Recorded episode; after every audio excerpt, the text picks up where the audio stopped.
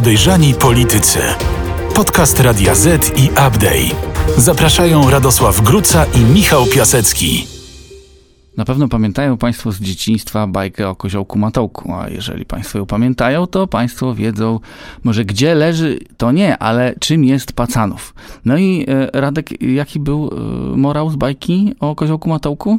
Że Radio Z.pl od dawna ostrzegało, że z Michałem Cieślakiem, ministrem Cieślakiem zawsze jest coś nie tak i należy mu się bacznie przyglądać. A to, Cieszę to, się. chyba, to chyba nie ta bajka, bo w tamtej chodziło tylko i wyłącznie o to, że to, e, czego szuka się bardzo daleko, jest e, czasem bardzo blisko. No i a Michał Cieślak, o którym wspomniałeś, swoją aferę znalazł bardzo blisko, czyli właśnie w Pacanowie. Dzień dobry. Michał Piasecki, aplikacja newsowa Update. Radosław Gruca, Radio Z.pl. Zapraszamy Państwa na podcast Podejrzani Politycy, w którym dzisiaj, a dzisiaj to w ogóle będziemy dużo podejrzewać. Będziemy podejrzewać polityków kogo? Będziemy poza Michałem Cieślakiem podejrzewać Pawła Kukiza, Mateusza Morawieckiego, Andrzeja Dudę, tradycyjnie jak zawsze. Kogo jeszcze? Solidarna Polska. Solidarną Polskę, Republikanów i jeszcze parę innych grzybków będzie w tym barszczu. Zapraszamy Państwa serdecznie i zaczniemy właśnie od Pacanowa, czyli kontrowersji tygodnia. Kontrowersja tygodnia. Jedną z największych afer zeszłego tygodnia, jeśli nie największą, jest tak zwana afera pacanowska. W skrócie chodzi o to, że minister poszedł odebrać przesyłkę i stracił pracę. To tak e, esencjonalnie. E, ale najpierw 15 minut e, pracę straciła pani, e, z którą na tej poczcie się spotkał i która zwróciła mu uwagę o wysokie, za wysokie ceny e, paliwa. I teraz, żeby przedstawić ten e, dramat, główne postacie tego dramatu, rekonstrukcja, no więc e, Agnieszka Głazek, szefowa poczty w Pacanowie, Michał Cieślak, poseł ze Świętokrzyskiego, niektórzy by powiedzieli, że to jest bardzo ważne, że on jest ze Świętokrzyskiego, i jednocześnie minister, a teraz już były minister do spraw samorządowych, Jarosław Kaczyński, wiadomo, prezes PiS, e, Gazeta Wyborcza, jako medium, które nagłośniło sprawę, oraz e, dyrektor e, poczty w Kielcach, e, bliżej mi nieznany, e, który panią e, Głazek zwolnił. E, Ale teraz po kolei. Minister pojawił się na poczcie, aby odebrać przesyłkę. Tam pani e, postanowiła wykorzystać okazję i powiedzieć mu, co myśli o cenach paliwa. 15 minut później odebrała telefon, 15 minut po wyjściu pana ministra odebrała telefon od swojego dyrektora, który zwolnił ją dyscyplinarnie w związku z tym, że no jak śmiała ministrowi zwracać uwagę na ceny paliwa. Następnie Jarosław Kaczyński ogłosił e, w Sochaczewie, że nie wyobraża sobie dalszej współpracy z panem ministrem w rządzie. Nie pominąłeś kilka takich dobrych rad. Wujkowie Dobra Rada z prawicy mówili na przykład ministrowi, żeby szybko pojechał na pocztę, kupił kwiaty, bombonierkę, tego typu A to było, sprawy. było, tak, tak. No i co? I nic. No i minister myślał sobie, kurczę, czemu oni się mnie czepiają? Gwarantuję państwu, że tak było.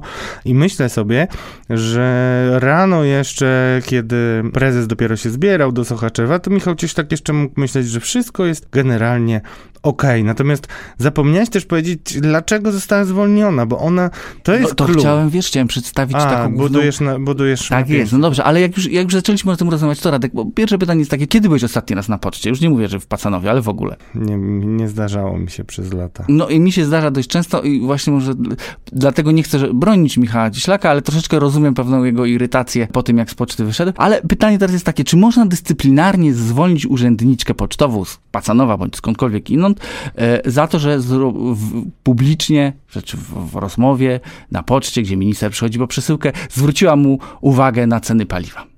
Można czy nie można?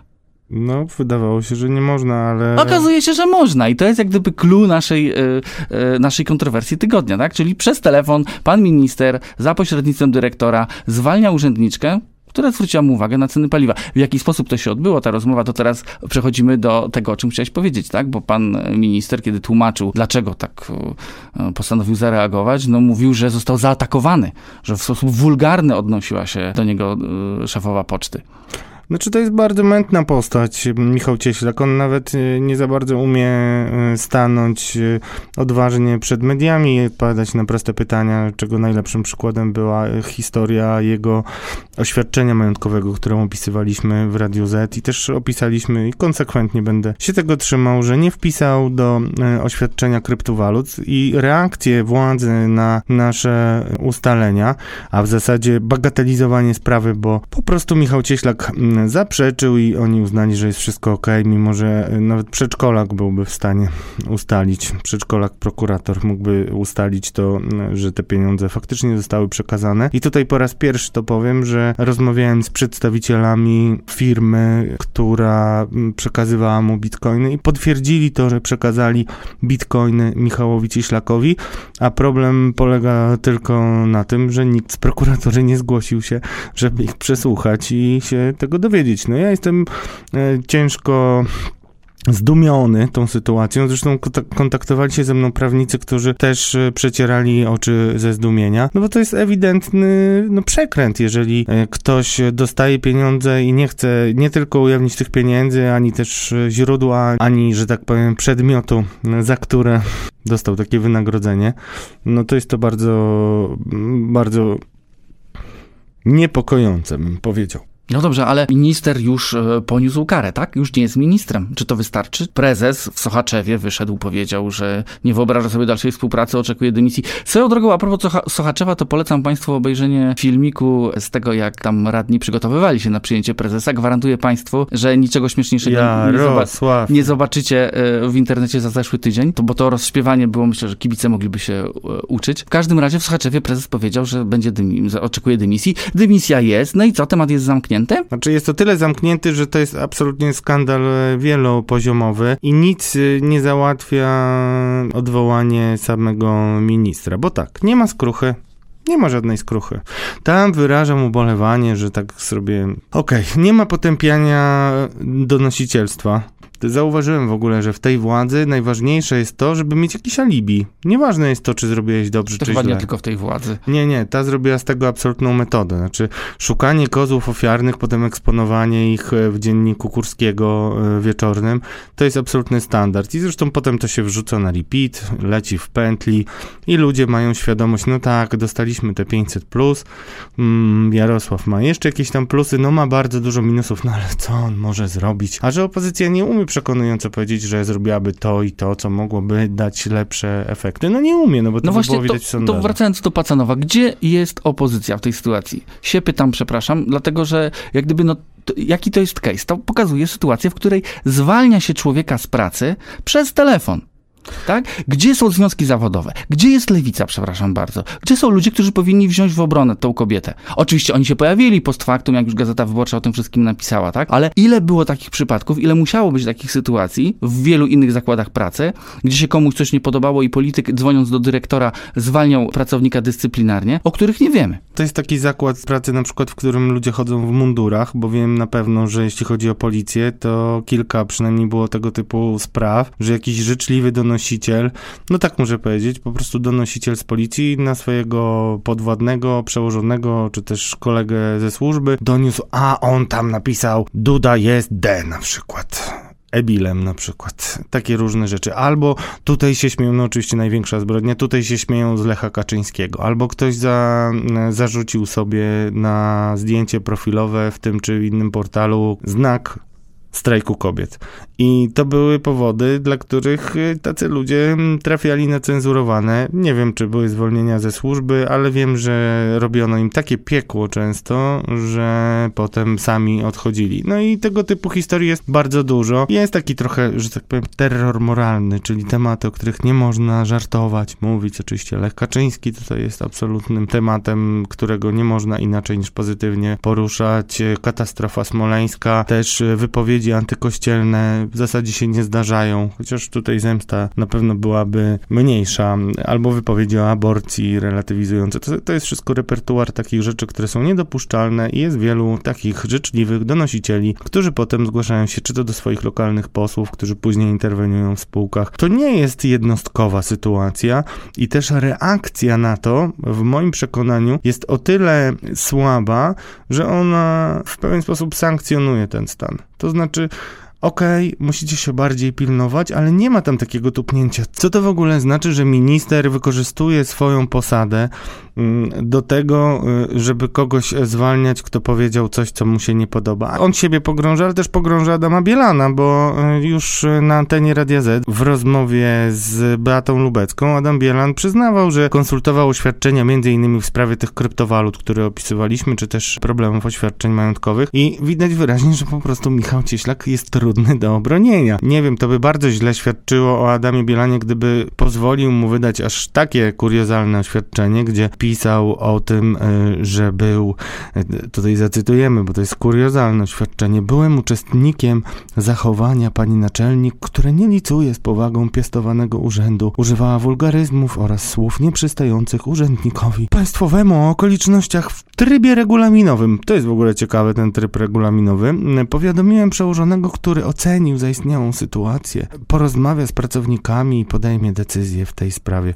I tutaj A... dla mnie najbardziej czarnym charakterem, oczywiście y, ministra, ja powiem tak, ja go nie bronię, tak, ale rozumiem, że jak ktoś idzie po przesyłkę na pocztę, to niekoniecznie chce wysłuchiwać uwag. Ja na przykład je wysłuchuję dość często na różne tematy te uwagi i szczerze mówiąc też mnie to irytuje. Ale ty nie Natomiast to nie jest, po pierwsze, a po drugie to nie jest powód do tego, żeby kogoś zwolnić, a po trzecie, co chciałem powiedzieć, najbardziej czarnym charakterem całej tej historii, to jest właśnie ten przełożony, który, jeżeli prawdą jest, że 15 minut po wyjściu pana ministra, pani Agnieszka dostała telefon, w którym została zwolniona, to znaczy, że jej przełożony w 3 minuty po rozmowie z ministrem postanowił zwolnić, w ogóle nie weryfikując informacji, które mu przedstawił. To jest najczarniejszy charakter całej tej historii. Moim zdaniem to jest osoba, która powinna podnieść odpowiedzialność za to, ponieważ to jest czysty serwilizm wobec ministra.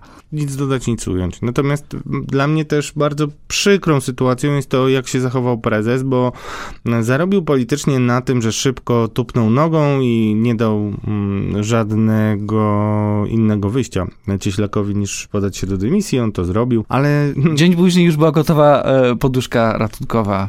No i wszyscy czekają, gdzie się odnajdzie Michał Cieślak. To jest straszne, że my na to czekamy. Wiadomo już, że będzie mógł wystartować w wyborach. No to jest tragedia, powiedział, tak? to wyborcy ocenią, tak. czy to była rzeczywiście taka sytuacja. A Adam Bielan powiedział, że on uważał, że to zbyt surowa kara, mruga do swoich ludzi. Myślę, że jest y, tutaj w takiej podwójnej roli, bo jednak musi pokazać swoim ludziom, że o nich w jakiś sposób dba, bo inaczej by nie miał argumentów w swoim podstawowym celu, a jego podstawowym celem jest kandydowanie z numeru pierwszego do parlamentu i załatwienie sobie wysokiej emerytury i pensji na lata.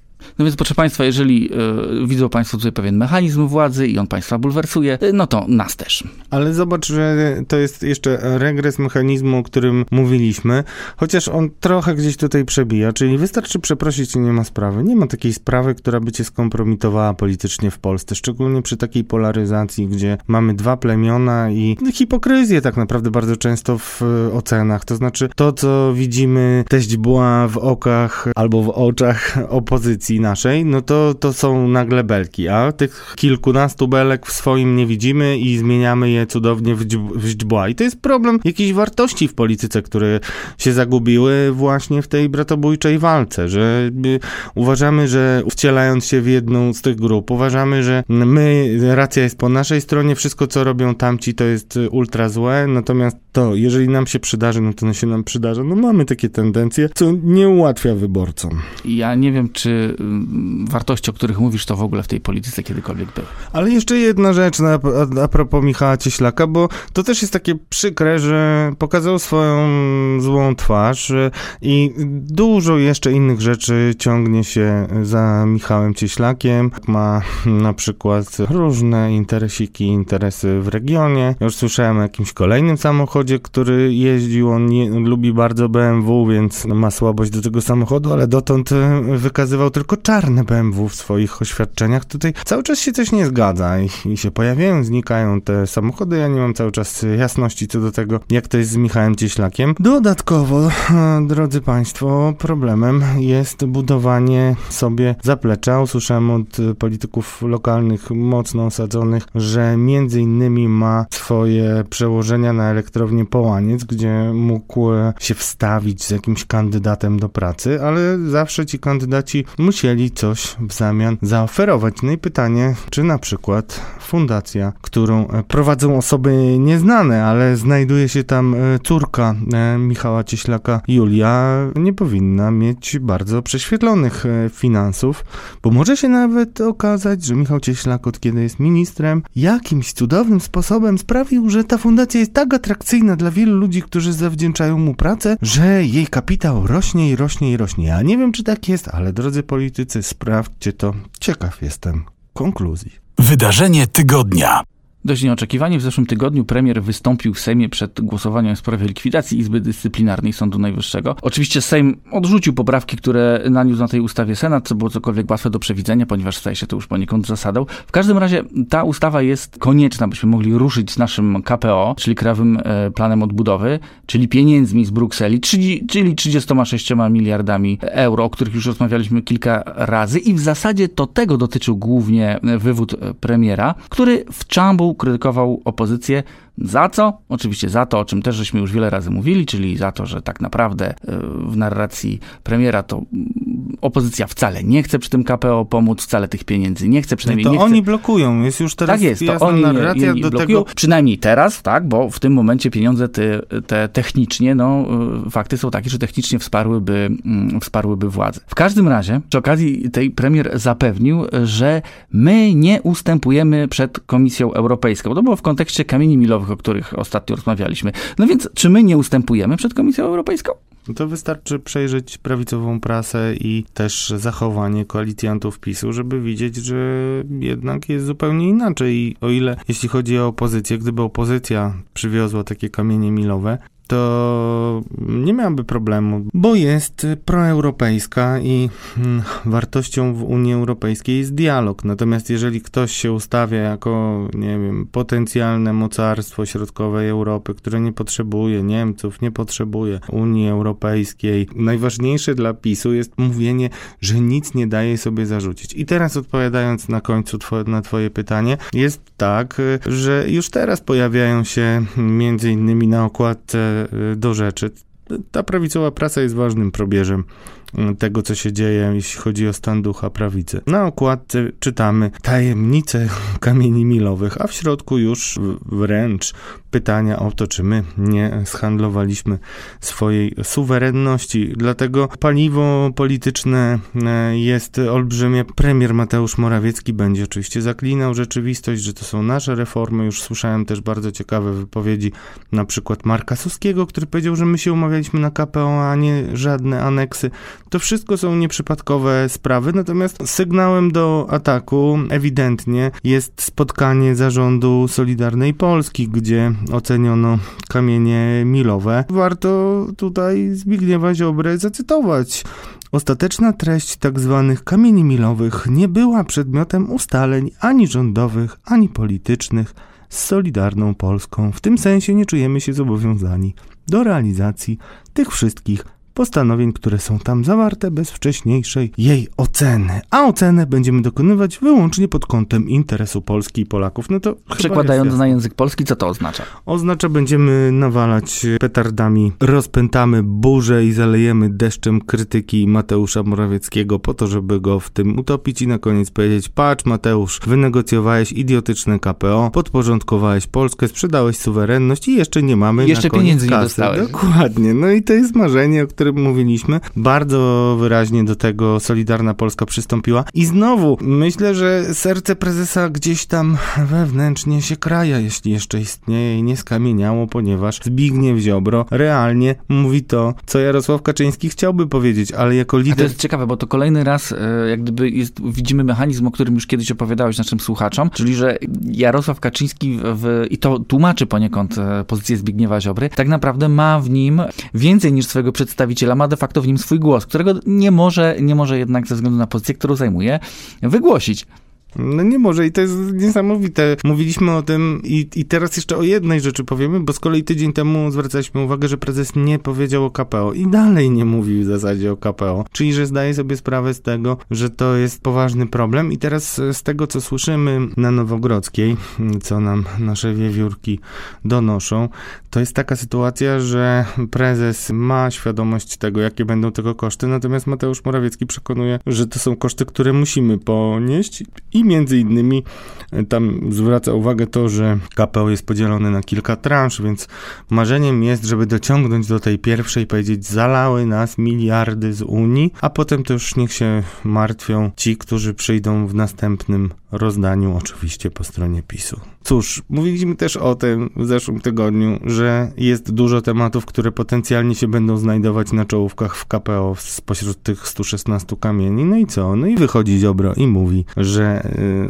likwidacja możliwości używania samochodów spalinowych to jest y, realizacja ostatniego szalonego żądania Parlamentu Europejskiego. I Na tak co dalej. Ryszard y, Terlecki mówi, że absolutnie nie będzie takiego podatku w Polsce, nie opodatkujemy po- samochodów spalinowych. No I, tak to to się jest- będzie toczyć. No i powiedz mi, czy to jest spójne? Jeżeli premier wychodzi, mówi, że wszystko uzgodniliśmy i nawet powiedział coś takiego, to drodzy Państwo, nigdy się na to nie nabierajcie, bo yy, prezes Rady Ministrów i tak popłyną za daleko, ale generalnie politycy mają tego typu yy, wypowiedzi, które mają uspokajać Polaków, że nowe rozwiązania będą albo neutralne, albo pozytywne. I najczęściej trzeba dodać wtedy dla większości Polaków. Bo jak sobie policzysz neutralne i pozytywne, to tam czasami możesz wziąć na przykład 51%. Ale jak zobaczysz neutralne i negatywne, to najczęściej jest dużo więcej, tak? Ale to jest y, stary chwyt polityków. Natomiast tutaj premier się niestety złapał mm, i popłynął za daleko, y, bo powiedział, że dla wszystkich Polaków.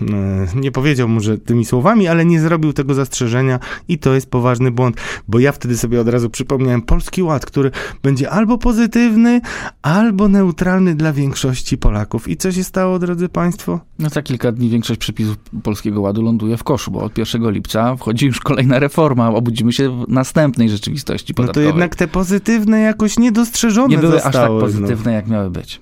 No i to, to, to bardzo wyraźnie po, pokazało to, czyli mamy e, znowu powrót do wojny Solidarnej Polski, Mm, znowu mamy problemy premiera, który goni za pieniędzmi, jakich nie dogoni, to jest skończony, to by się nie wydarzyło.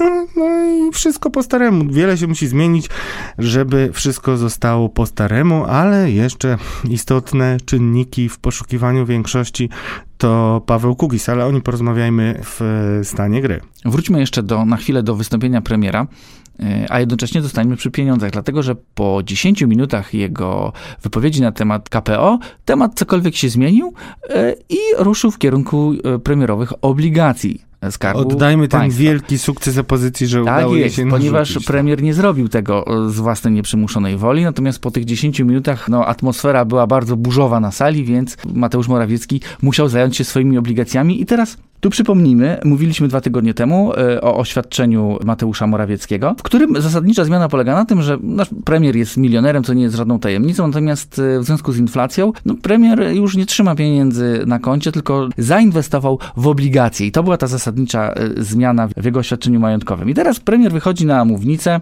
i mówi tak, wiem, że was boli to, że ja zostawiłem za sobą złote trony i 100 albo i więcej milionów złotych. Zostawiłem to wszystko dla służby publicznej, a wasz lider zostawił zaszczyt funkcji premiera dla kasy w Brukseli. To oczywiście jest e, wrzutka pod adresem e, Donalda Tuska, która taką naturalną rozbiegówką w wypowiedzi większości polityków PiSu? rządowych.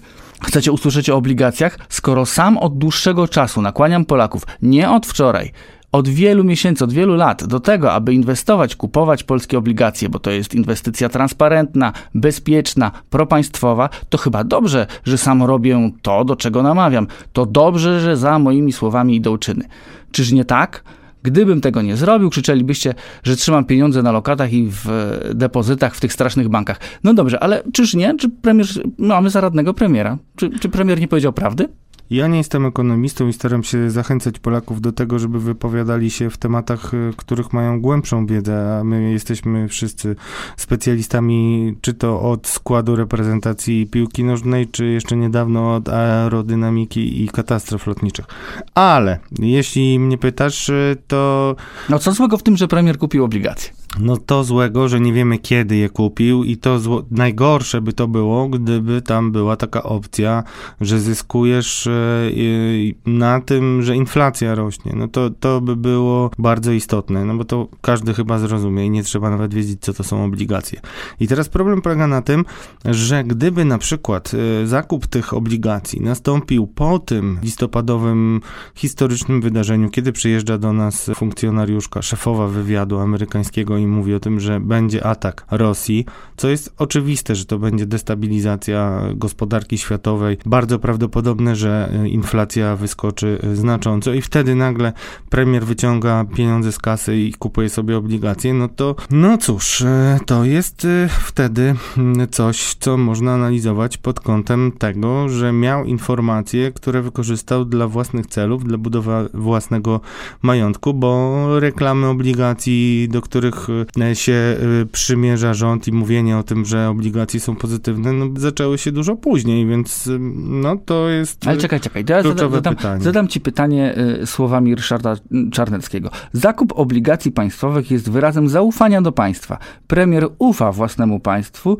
Dobrze, że to zrobił. Każdy z nas mógł te obligacje zakupić. Mówił tak w Radiu Z, rozumiem. Tak, mówił, ale, ale w pewnym sensie, ja wiem, że to zostało dość mocno wyśmiane, że każdy mógł zakupić te obligacje, ale on w pewnym sensie ma rację. Dlatego, że ja pamiętam, ja nie jestem ekonomistą, ale pamiętam rok temu latem rozmowy które odbywały się na kanwie licznych publikacji, które już wtedy powstawały, na temat tego, że zbliża się hiperinflacja. I każdy, kto y, jest chociaż trochę myślący, nie może dzisiaj powiedzieć o tym, że rok temu nie słyszał o tym, że prawdopodobnie na jesieni czeka nas duże uderzenie inflacyjne. A nie wiemy tak naprawdę, kiedy premier kupił y, te obligacje.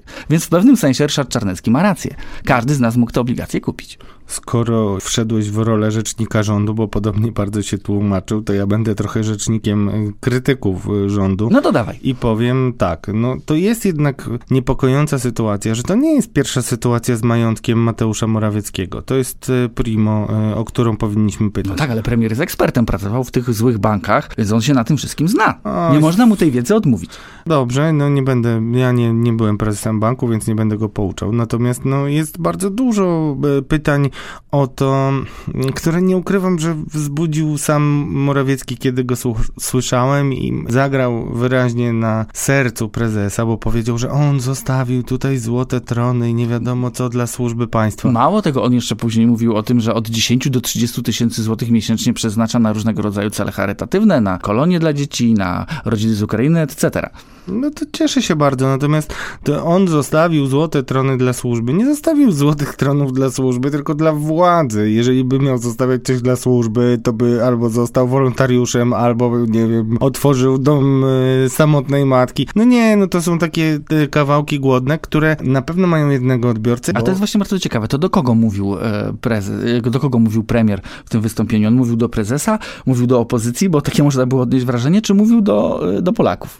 Na pewno jest tak, że prezes y, Mateusz y, Morawiecki, kiedy na przykład jedzie na y, różne wyprawy y, w teren, to jego ludzie dbają o to, żeby tacy klakierzy, jak tam byli znani z- w Sochaczewie i krzyczą Jarosław, się pojawili, tylko żeby były oklaski dla premiera. No to wtedy mówi do ludzi. Ale kiedy patrzymy na przykład na to wystąpienie sejmowe, to mm, zawsze jest tak, jest jakiś tekst na setkę, która potem będzie powtarzana, na setkę, czyli na taką krótką wypowiedź, którą później Którą można, w mediach puszczać. zacytować i która schwytliwa, nadaje się do tytułu, Tak. jest mocna. I prezes, a zresztą nawet e, w kontekście niedawnych publikacji m, poufnej rozmowy, czyli te maile, które ukradziono Michałowi Dworczykowi, szefowi kancelarii premiera, pokazywały, że znowu mają moc inspirującą ludzie premiera różne publikacje. W związku z czym to jest taki fragment e, dla, e, od siebie powiem, że tak, opium dla ludu E, i przyprawa do ostrego gulaszu Jacka Kurskiego w wiadomościach i w TVP Info generalnie, ale jest oczywiście wątek taki formacyjny, synowski. Zwracam się do mojego ojca i mówi o tym, ja zostawiłem złote trony i tak dalej, bo taką tylko perspektywę ma prezes. Prezes nie miał takich ludzi w swoim towarzystwie poza Biereckim. No, to jest senator i twórca skoków, ale on ma trochę... A to jest też bardzo ciekawa w kontekście obligacji skarbowych osoba, ponieważ co to jest 4,6 miliona złotych, proszę państwa, za które obligacje kupił premier Mateusz Morawiecki, bo pan senator y, podobne obligacje kupił za prawie 22 miliony złotych i to jeszcze wcześniej niż y, pan premier. Nie wiem na ile wcześniej tego przyznaję się, brakuje mi tych wiadomości. No generalnie brakuje mi tutaj transparentności, brakuje mi ograniczeń, bo to, to jest wszystko zgodne z prawem, ale jest y, szereg różnych możliwości legislacyjnych stworzenia prawa, które by to zabraniało i nie mielibyśmy wtedy takiej dyskusji. No między innymi po to są jeszcze oświadczenia majątkowe żeby uniknąć tego typu kontrowersji, można, jeżeli jeszcze jest się władzą, która mówiła, że umiar, skromność i tak dalej jest y, jej credo, tak mówiła wprawdzie największa nieprzyjaciółka premiera Beata Szydło, no ale mówiła pokora umiar, no to można było się tak ograniczyć i nie byłoby tego typu dyskusji, więc jeżeli nie mamy szczegółów, y, no zostaje z nami takie wrażenie, że coś tu jednak jest y, tajemniczego w tej historii, w związku z czym no trzeba sobie zadać dwa pytania, no czy kiedy premier kupował to y, już Y, zachwalał Polakom takie samo rozwiązanie, czy dopiero to się później stało? Jeśli nie, to y, dlaczego tak się stało? Premier twierdzi, że od lat zachwalał Polakom. Od lat polecał Polakom inwestowanie w te bezpieczne, propaństwowe obligacje. No ale sam wcześniej tak jakoś, zanim nie mamy Armagedonu inflacyjnego na horyzoncie, to jakoś wcześniej tak chyba chętnie się nie angażował i zresztą na przykład e, w jego biografiach dwóch, które e, opisano, jedna e, Morawiecki, jego tajemnice Tomasza Piątka, Cokolwiek druga, kontrowersyjna pozycja. Oczywiście, a druga też dwójki autorów, to warto przeczytać obydwie te książki, żeby sobie komplementarnie hmm, wyrobić opinię, ale tam między innymi były też takie plotki o tym, że miał dostać jakąś dużą premię Mateusz Morawiecki z banku po po odejściu, taką odroczoną o kilka lat ciągle nie było jeszcze takiej rozmowy, gdzie Mateusz Morawiecki usiadłby i na przykład nawet w formule off the record, czyli poza jakimikolwiek nagraniami i cytowaniami, pokazał ten swój majątek. No co to jest za problem? Jeżeli to jest taki uczciwy człowiek o złotym sercu, to dlaczego miałby tego nie pokazać? On nawet przepisał na żonę z banalnym patentem majątek i co? I nawet o tym nie chce rozmawiać. No na przykład, drodzy Państwo, Daniel Obajtek, kiedy była taka seria publikacji na jego temat, no to zapraszam zapraszał dziennikarzy do swojego adwokata, oczywiście tylko pewną grupę dziennikarzy, no ale jednak znaleźli się tam ludzie, którzy reprezentowali obiektywne media i pokazywał różne rzeczy, odpowiadał na pytania. No Mateusz Morawiecki wyraźnie robi wszystko, żeby tak się nie zachować. Kiedyś pewnie analizy jego majątku będą bardzo ciekawym e, materiałem do oceny przez prokuraturę, jeżeli zmieni się jej nadzorca ze Zbigniewa Ziobry. A może już Zbigniew Ziobro coś wie i jak będzie szedł samemu do wyborów, to nagle się okaże, że za majątkiem Mateusza Morawieckiego stoi jakaś wielka tajemnica. Prokuratura ma możliwość pozyskiwania różnych informacji. Mówi się też o takim kultowym śledztwie w Lublinie, w którym może się przewijać Mateusz Morawiecki. Wszystko się może zdarzyć. Reasumując ten wątek, każdy mógł kupić, ale nie każdy wiedział.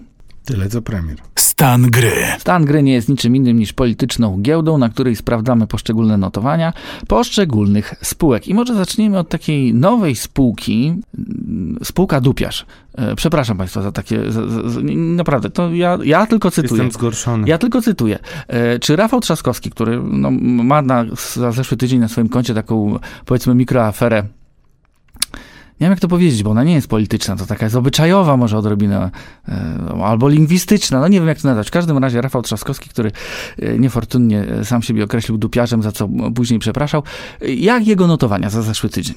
Ciągle pod naporem przeciwników, ciągle lata ta wypowiedź, o której rozmawialiśmy ostatnio, już poprawiło się, bo słuchają naszego podcastu i poprawili się, już mówią teraz... A przypomnij, jaką wypowiedź chodzi? Że Trzaskowski mówił, że trzeba te pieniądze, że Unia zamrozi te pieniądze, dopóki my nie dojdziemy do władzy, czy opozycja nie przejmie władzy w Polsce, tylko mówił to dwa lata zanim w ogóle myślano o pandemii.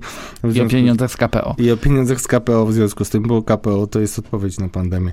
Ale Ale już teraz mówią, że już 4 lata temu Trzaskowski mówił, także zmienili trochę narrację, teraz jest troszkę bardziej prawdziwie, ciągle jest to pasztet Kurskiego, ale Dupiarz y, nie, no, no przepraszam, nie, nie, absolutnie. Zresztą taki przystojny polityk, o którego urodzie... Ale on sam o sobie to powiedział. Znaczy, to jest, No właśnie, to jest taki... wiesz, ale śmieszne nikt, jest... to nikt, mu nie przypiął tej łatki. On, on sam wyciągnął ten sztandar. Nie wiem, ja A może potem jestem, próbował schować, ale już było za późno.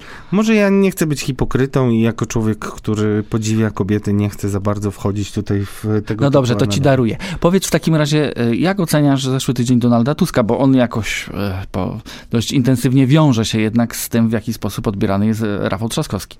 No Donald Tusk miał taką niefortunną wypowiedź, trudną do obrony przez jego posłów przynajmniej, przez między innymi posła Arkadiusza Myrchę, gdzie mówił o tym, że no powinniśmy pomagać Ukraińcom, ale powinniśmy się też zastanawiać, jakie są koszty, bo na przykład transport zboża z Ukrainy do portów mm, na Bałtyk, do portów polskich, może spowodować, że zboże się pojawi ukraińskie w Polsce i to wpłynie na ceny, oczywiście wpłynie negatywnie. Rzuciła się na tą wypowiedź opozycja. Nie wiem, czy e, to była kalkulacja Tuska, bo tak, jakie są tutaj dwa przekazy? No, ryzykuje to, że do rolników będzie uderzał PiS i będzie mówił, że e, Donald Tusk buduje panikę i że nic e, nie jest na rzeczy, że to zboże nie wpłynie do Polski, że ono trafi do Afryki. No i na tym rolnicy mogą powiedzmy się obrazić, jeżeli rzeczywiście się boją, ale strach jest taki wśród rolników, że raczej zaufanie do rządu może być średnie i tam też między innymi na tej kanwie rośnie agrounia i tak dalej. Więc y, trudno mm, powiedzieć. Mówiliśmy o tym, że Tusk zastawia kościelną pułapkę na Jarosława Kaczyńskiego i to się dokładnie potwierdza. Widać, że jest to konsekwentne. Teraz e, był temat, e, który jest obietnicą wyborczą, czyli aborcja do 12 tygodnia możliwa, czyli absolutne odejście od stanu po orzeczeniu Trybunału Julii Przyłębskiej i mamy tego typu sytuacje, że no PiS będzie musiał bronić tego rozwiązania, które jest To jest dzisiaj. jakby pułapka numer dwa, tak? Na, To ta jest sama, pułapka ta numer sama dwa. przynęta, e, Dokładnie. PiS się nie złapał, powtarzamy, e, powtarzamy, rozkładamy pułapkę jeszcze raz. Ale nie wiadomo, czy PiS się nie złapał. Może PiS jest po prostu skazany na to, że jak idziesz prostą linią prokościelną i zastawisz tam kilka sideł, to prędzej czy później będzie musiała ci się zwierzyna na te sidła. No tak, ale patrząc na tą pułapkę poprzednią, to mam wrażenie, że Donald Tusk został po prostu zignorowany. Jeżeli Donald Tusk idzie w to konsekwentnie, to znaczy, że będzie to jedną z osi sporu i budowania polaryzacji. Nie wiem, czy do końca sensownym. No ciekawe były teraz badania znowu odnośnie mm, tego, jak powinny wyglądać wybory. Tutaj Gazeta Wyborcza, która jest medium absolutnie opozycyjnym w stosunku do PiSu. Zwolennicy jednej listy tam dominują i cały czas pojawiają się różne publikacje. Ja już powiedziałem, że uważam, że co najmniej dwie listy to jest przynajmniej realne. Natomiast zobacz, wracając do Tuska, który nie ma specjalnych spadków ani specjalnych zysków, ale jest konsekwentny. Konsekwencja często przynosi bardzo pozytywne skutki w polityce. Widać, że ma jakiś plan. Jestem krytyczny w stosunku do Tuska po tym, co słyszę w Sejmie, bo nie ma, no nie mam żadnej nadziei na to, że uda się takich ambitnych polityków jakoś e, posadzić do stołu i mm, z takim diktum ze strony Donalda Tuska, no, że oni przełkną ślinę i powiedzą, no dobrze, dla Polski wystartujemy razem. Ale wiadomo, że najbardziej walczy o porozumienie z lewicą i taki postulat, obietnica, aborcja mm, legalna do 12 tygodnia, no to przyznasz, że jest pomostem do rozmów. No pomostem jest, tylko no, naprawdę mam wrażenie, że to trochę, wiesz, no, on rzuca, e, rzuca te kamienie do ogródka, a nikt nie podejmuje rękawicy i jak gdyby te pułapki nikt w nie nie wpada. Znaczy, zobaczymy, co będzie dalej, jestem ciekawy, ale na razie, na razie jak gdyby PiS omija zupełnie Donalda Tuska na tej, na tej linii. Przypomnę ci, że najbardziej intensywny spór ideologiczny wywołał 1 sierpnia swoim kazaniem arcybiskup Marek Jędraszewski, który powiedział, że odeszła zaraza czerwona, a mamy teraz nową zarazę tęczową i to rozpętało totalny piekło. I teraz przypomnijmy jeszcze, że ciepłe miesiące to też ten okres, kiedy przez polskie miasta będą znowu szły parady równości. Na nacjonalistów, powiem delikatnie, y, działa tęcza jak płachta na byka. Dużo się tam może zdarzyć i nastroje są też takie, że no, bocznym efektem zbierania się wokół flagi może być uleganie takiemu moralnemu szantażowi, że jeżeli nie popierasz władzy, to jesteś za ruskimi. Mówiąc już bardzo oględnie, ale specjalnie to przejaskrawiam. I y, to wszystko jest paliwo do olbrzymich emocji. Myślę, że na to grają obydwie strony i co powoduje, że jeżeli dominuje PiS i Platforma, no to inne ugrupowania muszą szukać sobie swoich narracyjnych pomysłów. Ale jeszcze chciałem zapytać o inną e, wspólną listę mm, tutaj w naszym stanie gry, gdzie lokuje się po ostatniej wypowiedzi Jarosława e, Kaczyńskiego Paweł Kukis. To o Pawle Kukizie mamy ciekawostki, bo mocno się odbiło echem nasze ostatnie zastanawianie się nad tym, czy Paweł Kukis może się zbuntować. Zwracaliśmy uwagę w zeszłym tygodniu, że pojawiły się pierwsze sondaże koalicji Kukis 15 z PiSem. Tam było ponad 40%, ale to było chyba pierwsze badanie takie, które w ogóle mówi o koalicji. No teraz ta koalicja to jest tak mocno na wyrost, bo jednak jego aktywa nie są takie duże. Jego aktywa ograniczają się w zasadzie do czterech posłów na dzisiaj polityczny. Nie wiadomo, czy w terenie jeszcze ktokolwiek został. No ale jest ważny dla prezesa, skoro prezes mówi w wywiadzie dla Gazety Polskiej o tym, że są dogadani, że na ten moment Paweł Kukiz startuje z list Prawa i Sprawiedliwości w następnych wyborach. Chociaż oczywiście tam prezes robi taką gwiazdkę, że to artysta, nie wiadomo jak to będzie, bo potrafi zaskoczyć, ale prywatnie bardzo go lubi i, i są dogadani. Tego typu deklaracje przyjaźni budzą pewne moje pytania o ich szczerość. Niemniej jednak powiem Państwu, co myślę tak, bo miałem prawdziwą amplitudę różnych emocji odnośnie tego, co dowiadywałem się w związku z tym, że Kukiz bardzo Państwa zainteresował. Paweł Kukiz stara się być wierny swoim ideałom. W polityce oczywiście pewne ideały trzeba sobie weryfikować i myśleć o tym, co realnie można osiągnąć. Mam takie wrażenie, że Jarosław Kaczyński, mówiąc o tym, że jest dogadany z Pawłem Kukizem, nie spytał Rockmana o to. Ale co mogło, drodzy Państwo, wywołać pewien gniew i co w zasadzie przy analizie tej konkretnej sytuacji przyciągania Pawła Kukiza do PiSu jest kluczowe. Kiedy ten wywiad został oddany do druku? I kiedy prezes o nim powiedział. Bo mimo, że Paweł Kukiz ma taką opinię człowieka, który już jest trzymany pod butem, liberalne media w zasadzie go skreśliły, mówią o nim bardzo źle, artyści uff, po prostu wręcz na niego pluli, mimo, że wcześniej wydawało się, że byli przyjaciółmi. No, taki jest e, obraz Pawła Kukiza, ale on jeszcze walczy o jakieś swoje ideały i tak. Mało kto to zauważył, ale w czwartek w koalicji nieformalnej Kukiza z PiSem, czy też Kukiza Zjednoczoną Prawicą, wydarzyło się coś, co wzbudziło duże emocje. Mianowicie Paweł Kukiz się zbuntował w głosowaniu. I okazuje się, że w ustawie, która dotyczy podatku dochodowego, była taka nowelizacja. Nikt oczywiście nie zwrócił na nią uwagi, bo wszyscy przeżywali KPO, cieślaka i inne rzeczy, ale wydarzyła się bardzo istotna sprawa polityczna i też finansowa, bo Paweł Kukiz powiedział non possumus. Paweł Kukiz ze swoimi ludźmi zagłosowali za poprawką senacką dotyczącą organizacji pożytku publicznego, czyli tak zwanego trzeciego sektora. Do tej pory każdy z nas ze swoich podatków mógł przekazywać 1% na organizację pożytku publicznego. Dzięki głosom Pawła Kukiza będzie to 1,5%. Przy tak ciężkiej sytuacji budżetowej wiadomo, że Mateusz Morawiecki, rząd i PiS będą zagarniać możliwie dużo kasy dla siebie. W związku z czym 0,5% robi wielką różnicę i słyszałem, że to mocno poirytowało szczególnie kręgi rządowe. No i to jest znowu sygnał, że Paweł Kukiz może wywinąć jeszcze nie jeden numer. Nawet jeżeli media tego nie zauważą, to jest to realny problem dla rządów. I co z tego wszystkiego wynika? Prezes, jeżeli powiedział to po tym, jak już zdenerwował Paweł Kukiz premiera, no to mógł w ten sposób psztyczka zrobić i w niepokoju, że Paweł może jakieś numery robić, już ogłosić, że Paweł Kukiz jest swój. Paweł Kukiz nie jest chętny jeszcze do, do ogłaszania tego i wcale nie mówi, że to jest przyklepane, cały czas powtarza, że zależy mu na ustawach o sędziach pokoju, zależy mu na ustawie o broni i na ustawie o referendum, które by było wiążące dla władzy. Czy to jest możliwe? No na razie jest trochę mm, wodzony za nos raczej. Trochę mu się obiecuje, niewiele z tego wynika, ale ja bym nie wykluczał i to moje wiewiórki sejmowe gdzieś pokazują, że Paweł Kukiz może też jednak być bardzo dużym zagrożeniem dla PiSu, bo wiemy cały czas, że wygrana w wyborach to jest kwestia kilku procent nawet. Prezes nie może zgubić nawet tego kultowego 0,7 Solidarnej Polski, tak? Ludzie wyśmiewają 0,7 Solidarnej Polski, ale prezes wie, że to jest więcej niż 0,7 i każdy procencik jest istotny. Więc jeżeli Paweł Kukiz na przykład wpieni się, a zdarzało mu się już unosić to może nawet wystartować ze świadomością, że przegra, ale zabierze przynajmniej kilka procent. I to raczej zabierze. Najpierw jeszcze musi zebrać na to pieniądze, żeby móc wystartować samemu. Nie, musi zebrać podpisy przede wszystkim, bo jeżeli z góry zakładasz, że nie idziesz po wygraną, a idziesz tylko po to, żeby uszczknąć parę procent, to nie jest to takie trudne. Jak nie masz pieniędzy na kampanię, no ale będziesz na tej liście, każdy głos się liczy, więc po złości może to zrobić. W Opolskim na przykład y,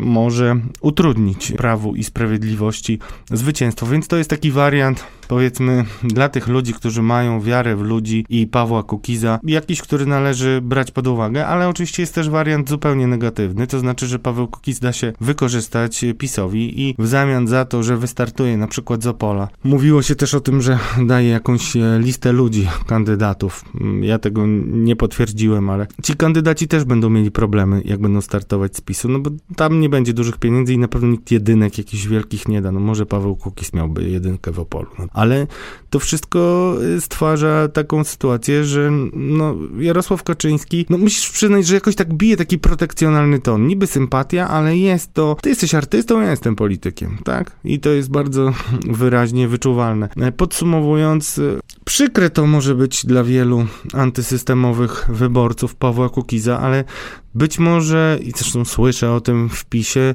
że Paweł Kukiz będzie takim, mm, no takim bohaterem jednej konwencji. To znaczy, przygotuje jakąś historię o swojej frustracji i zawodzie Donaldem Tuskiem. Może uchyli rąbka tajemnicy z jakichś tam rozmów. Przypominam, że Kukiz i jego środowisko nie mogło wybaczyć tego, że e, Donald Tusk nie dotrzymał obietnic, innymi dotyczących referendów i okręgów wyborczych. Była taka rozmowa, były takie ustawy, to wszystko, ustawy obywatelskie, które zostały zmielone, to wszystko zostało bardzo silną zadrą Pawła Kukiza. Kiedy z nim rozmawiałem, to gdzieś zawsze ta niechęć i zawód Donaldem Tuskiem, Grzegorzem Schetyną i, politykami Platformy zawsze przebijał, więc taka anegdotka może być historyjką, która w kampanii będzie e, powtarzana przeciwko Tuskowi, szczególnie jeżeli będzie jedna lista.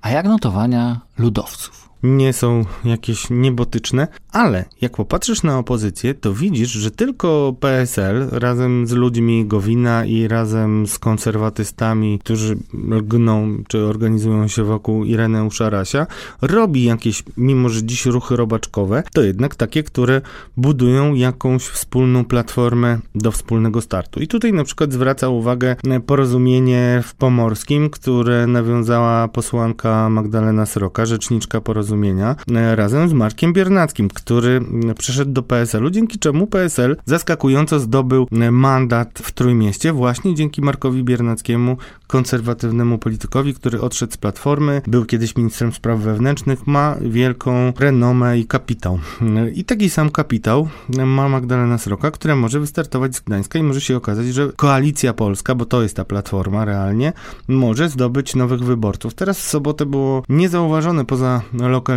mediami wydarzenie w Sopocie, gdzie spotkali się m.in. Gowin, Kosiniak-Kamysz, właśnie Sroka, e, ale nawet także Jacek Karnowski z Sopotu, prezydent Sopotu. I tam było dużo słów, szczególnie ze strony Aleksandra Hala, on jest takim ideologiem konserwatystów w Polsce, no i on bardzo pozytywnie mówił o tego typu porozumieniu, więc warto porozumieniu porozumienia z PSL-em i y, jakimiś jeszcze innymi konserwatywnymi ośrodkami, oni mają marzenie marzenie, standardowe marzenie, każdy je kiedyś śnił, czyli że będą tą racjonalną siłą w polityce między Platformą a PiSem, które się cały czas okładają.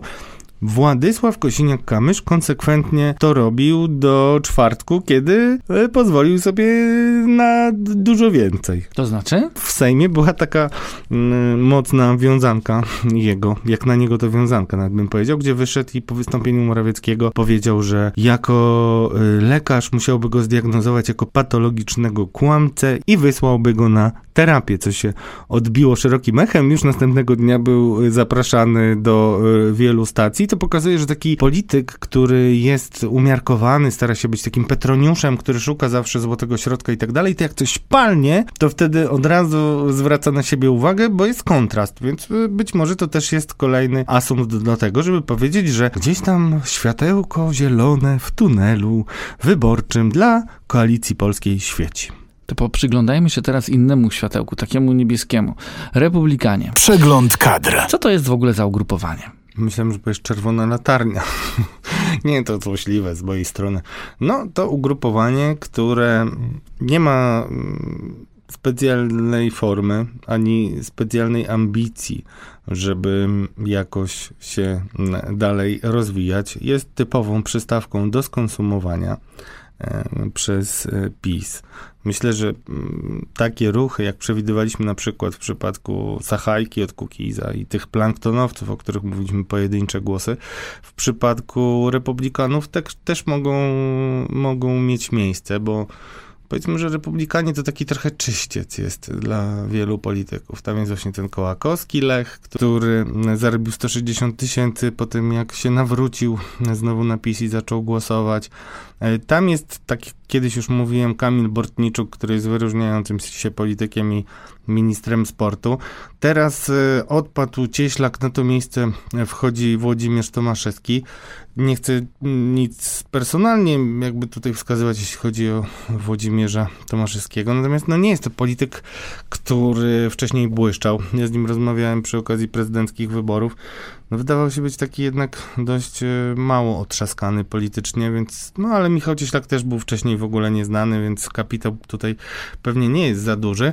Na pewno Jacek Żalek, e, bardzo sprytny, niedoceniany polityk może trochę namieszać, jeśli chodzi o Podlasie, chociaż tam ma potężnych e, przeciwników w postaci między innymi walczących byłego ministra edukacji narodowej Dariusza Piątkowskiego razem z obecnie na eurozesłaniu ministra Krzysztofa Jurgiela, byłego ministra rolnictwa.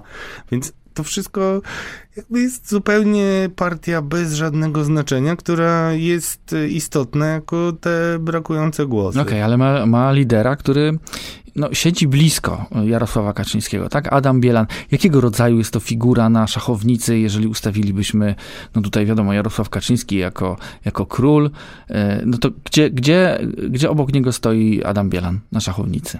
No Adam Bielan mm, może mieć swoje lepsze momenty, jeżeli będzie słuchany przez prezesa.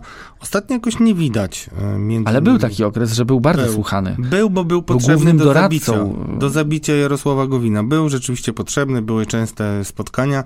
Teraz to się rozluźniło, bo prezes uważa, no ci republikanie, no Adam ich Czyli to nie jest, nie jest to wieża, która pilnuje króla? Nie, absolutnie nie. Ja mam takie przekonanie, że Adam Bielan po prostu walczy o swoje, a wszystko to po prostu jest zadanie, które zlecił mu e, prezes. Ono jest do wykonania, ale no, są tam postaci mocno też kontrowersyjne i pozytywne i negatywne. No, Cieślaka już omawialiśmy, nie ma co mówić, ale na przykład też takim e, człowiekiem kontrowersyjnym, który się tam pojawia, to jest Marek Jakubiak, przypomnijmy, kiedyś lider narodowców, były właściciel browaru Ciechań i on się tam e, przyczepił. Dziwnym bardzo i, ja będę jednak konsekwentnie twierdził, e, potencjalnie hmm, aferotwórczym politykiem jest Arkadiusz e, Czartoryski, który mm, był zaangażowany w projekt Ostrołęka 2, mm, gdzie cały czas mogą się pojawiać nowe Dziwne informacje. Był też pod lupą CBA. Przypomnijmy, że prezes, y, kiedy go przywracał do łona koalicji, y, to, bo Arkadiusz Czartoryski na chwilę wyszedł i po 12 dniach wrócił do PiSu. Po tym, jak prezes powiedział, że te historie z CBA to jakieś nieporozumienie, wszystko się wyjaśniło, wszystko jest czyste. Jak wiadomo, prezesa słowo czyści wszystkie y, kompromitujące oceny i też być może nawet jakieś wskazówki co do nielegalnej e, działalności. Jest taka pani Małgorzata Janowska, która e, też pojawiła się w Partii Republikańskiej. Ona jest w jednej z elektrowni mm, zatrudniona i tam też dostała pewien awans, chociaż twierdzi, że nie zarobiła nie zarobiła specjalnie dużej kasy, więc wyraźnie jest to grupa, którą niestety trzyma przyspawanie do stołków. Grupa, która nie będzie prawdopodobnie robić numerów do momentu jakiejś obsady e, list. Tutaj może się pojawić problem i tutaj słychać trochę o tym było, nie wiem na ile to jest ten moment, ale dochodziły takie słuchy mm, od że tak powiem, już poróżnionych kolegów, mm, bo przypomnijmy, Republikanie to jest e, twór, który powstał po tym, jak próbowano zabić porozumienie. Nie udało się go zabić, ale udało się podzielić.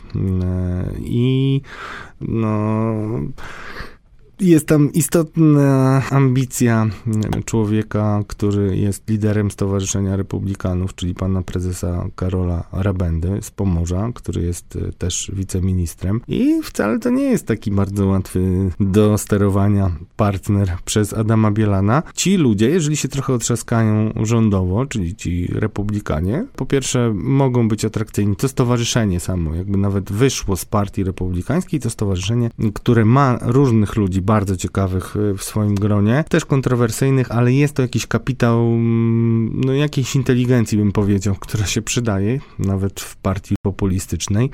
Reasumując, y, kadry hmm, są tam różnych bardzo jakości. Są tam ludzie, którzy po prostu do momentu, kiedy będą mieli pensję, no to będą e, startować. Jest tam trochę ludzi, którzy mogą e, być pewną inteligencją e, i jakimś tam, powiedzmy, takim think tanko-podobnym zespołem, czyli Stowarzyszenie Republikanów Rabendy.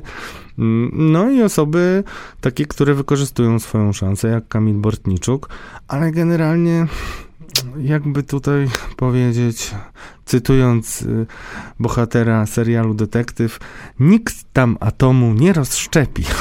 Więc tak bym to powiedział i politycznie nie będą oni istotni, tak jak był wcześniej Michał Cieślak, teraz będzie Tomaszewski, zaraz będzie jakiś Nowak. Nikt nie zauważy różnicy.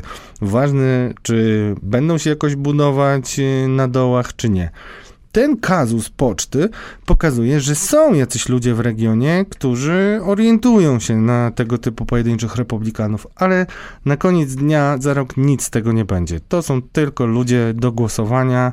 E, Czyli i... takie typowe mięso wyborcze, tak? No mięso wyborcze i przede wszystkim ludzie, którzy pracują wszyscy na no Adama no Bielana jedynkę. To czy nie, no, no, właśnie, bo tutaj ambicją, o której już wspomniałeś, Adama Bielana jest e, e, dostanie się do Parlamentu Europejskiego, ale czy to w takim razie nie można tego z punktu widzenia Jarosława Kaczyńskiego jakoś wciągnąć w swoje struktury i już całkiem zabetonować? Ja myślę, że to do tego będzie zmierzać, że te najlepsze rodzynki właśnie w rodzaju e, Kamila Bortniczuka e, będą przyjęte, a reszta dostanie, może dostaną jakieś miejsca na listach, ale mm, nie wiem, czy będą mieli tyle kasy, żeby przeskoczyć. Powiem ci tak, mnie kiedyś ktoś zapytał całkiem niedawno, dlaczego Adam e, Bielan e, nie jest jeszcze w PiSie i szczerze mówiąc nie umiałem nam odpowiedzieć na to pytanie. Dlaczego on jeszcze nie jest w PiSie?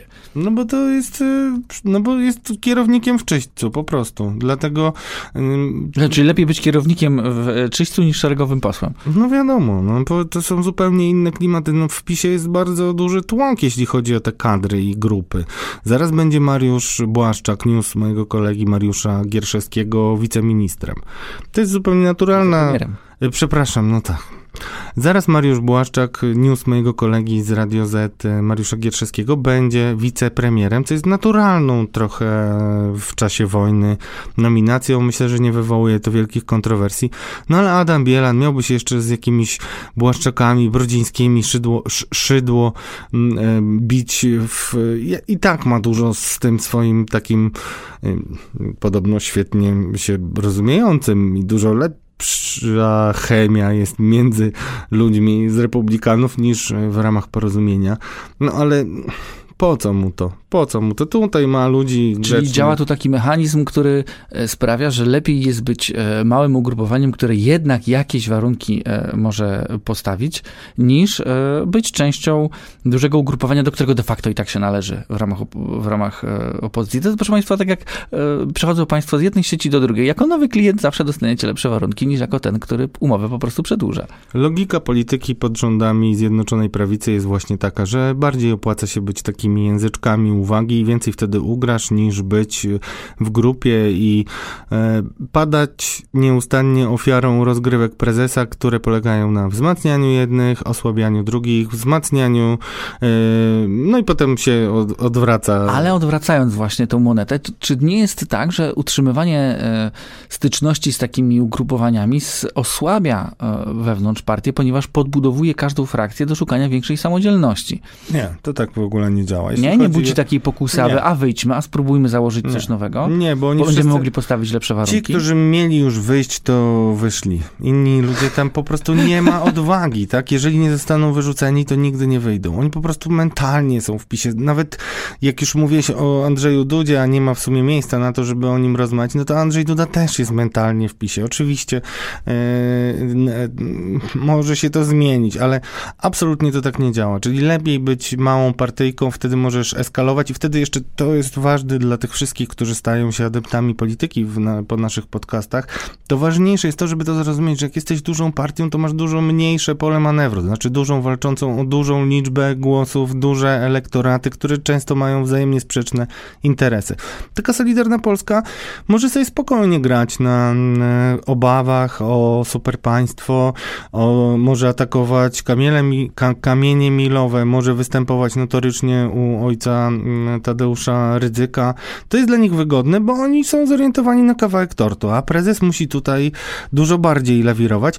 I dlaczego o tym mówię? Dlatego, że jeżeli mm, partia republikańska miałaby w ogóle jakiekolwiek ambicje, ja ich w ogóle nie widzę, ale miałaby jakiekolwiek ambicje, żeby żyć, no to mogłaby postawić jakieś szczapki republikańskie mm, żądania, na przykład dotyczące podatków, czy nie wiem, polityki prorodzinnej, takie, którego się nie da spełnić żądanie, no i co? No i wtedy mm, automatycznie trzeba będzie z nimi negocjować i miejsca na listach i tak dalej, i tak dalej.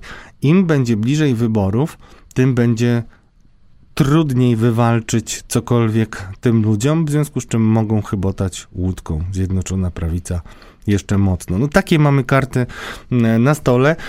Natomiast tak jak mówię, e, jest Micha- był Michał Cieślak, dzisiaj jest Włodzimierz Tomaszewski, nawet są tak popularne nazwiska, że trudno sobie to jakoś osadzić.